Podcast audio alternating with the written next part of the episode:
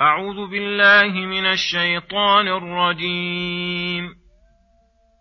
يا أيها الذين آمنوا لا تكونوا كالذين كفروا وقالوا لإخوانهم إذا ضربوا في الأرض أو كانوا غزاً أو كانوا غزا لو كانوا عندنا ما ماتوا وما قتلوا ليجعل الله ذلك حسرة في قلوبهم.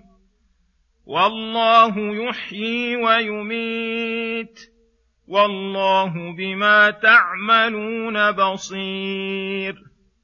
ولئن قتلتم في سبيل الله أو متم لمغفره من الله ورحمه خير مما يجمعون ولئن متم أو قتلتم لالى الله تحشرون فبما رحمة من الله لنت لهم ولو كنت فظا غليظ القلب لانفضوا من حولك فاعف عنهم واستغفر لهم وشاورهم في الأمر فإذا عزمت فتوكل على الله إن الله يحب المتوكلين.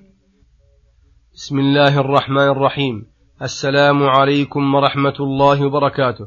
يقول الله سبحانه يا أيها الذين آمنوا لا تكونوا كالذين كفروا وقالوا لإخوانهم إذا ضربوا في الأرض أو كانوا غزا لو كانوا عندنا ما ماتوا وما قتلوا. الآيات.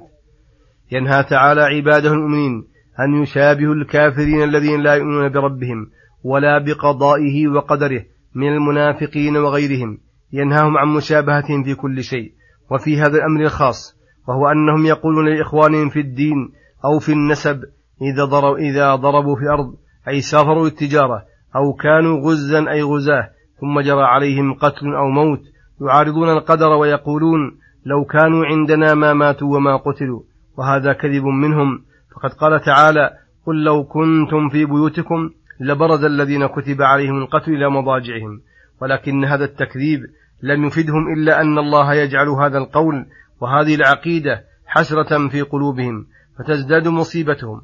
وأما المؤمنون فإنهم يعلمون أن ذلك بقدر الله فيؤمنون ويسلمون فيهدي الله قلوبهم ويثبتها ويخفف بذلك عنهم مصيبة. قال الله ردا عليهم والله يحيي ويميت. أي هو المنفرد بذلك فلا يغني حذر عن قدر والله بما تعملون بصير. فيجازيكم بأعمالكم وتكذيبكم. ثم أخبر تعالى أن القتل في سبيله أو الموت فيه ليس فيه نقص ولا محذور وإنما هو مما ينبغي أن يتنافس فيه المتنافسون. لأنه سبب مفض وموصل إلى مغفرة الله ورحمته. وذلك خير مما يجمع أهل الدنيا من دنياهم. وأن الخلق أيضا إذا ماتوا أو قتلوا بأي حالة كانت فإنما مرجعهم إلى الله ومآلهم إليه فيجازي كلا بعمله.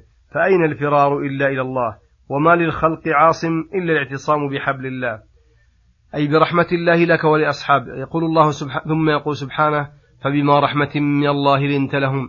أي برحمة الله لك ولأصحابك من الله عليك أي ألنت لهم جانبك وخفضت لهم جناحك وترققت عليهم وحسنت لهم خلقك فاجتمعوا عليك وأحبوك وامتثلوا أمرك ولو كنت فظا أي سيء الخلق غليظ القلب أي قاسية لم فضوا من حولك لأن هذا ينفرهم ويبغضهم لمن قام به هذا الخلق السيء. فالأخلاق الحسنة من الرئيس في الدنيا تجذب الناس إلى دين الله وترغبهم فيه مع ما لصاحبه من المدح والثواب الخاص. والأخلاق السيئة من الرئيس في الدين تنفر الناس عن الدين وتبغضهم إليه مع ما لصاحبها من الذم والعقاب الخاص. فهذا الرسول المعصوم يقول الله له ما يقول فكيف بغيره؟ أليس من أوجب الواجبات وأهم المهمات الاقتداء بأخلاقه الكريمة ومعاملة الناس بما كان يعاملهم به صلى الله عليه وسلم من اللين وحسن الخلق والتأليف امتثالا لأمر الله وجذبا لعباد الله لدين الله. ثم أمره الله تعالى بأن يعفو عنهم ما صدر منهم من التقصير في حقه صلى الله عليه وسلم ويستغفر لهم في التقصير في حق الله فيجمع بين العفو والإحسان وشاورهم في الأمر أي الأمور التي تحتاج إلى استشارة ونظر وفكر.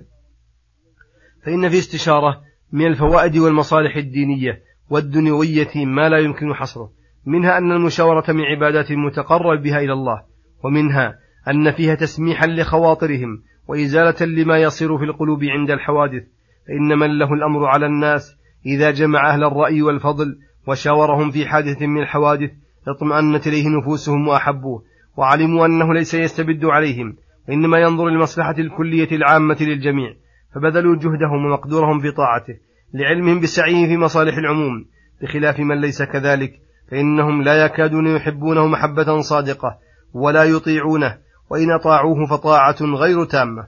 ومنها أن في استشارة تنور الأفكار بسبب إعمالها فيما وضعت له فصار في ذلك زيادة للعقول. ومنها ما تنتجه الاستشارة من الرأي المصيب فإن المشاور لا يكاد يخطئ في فعله.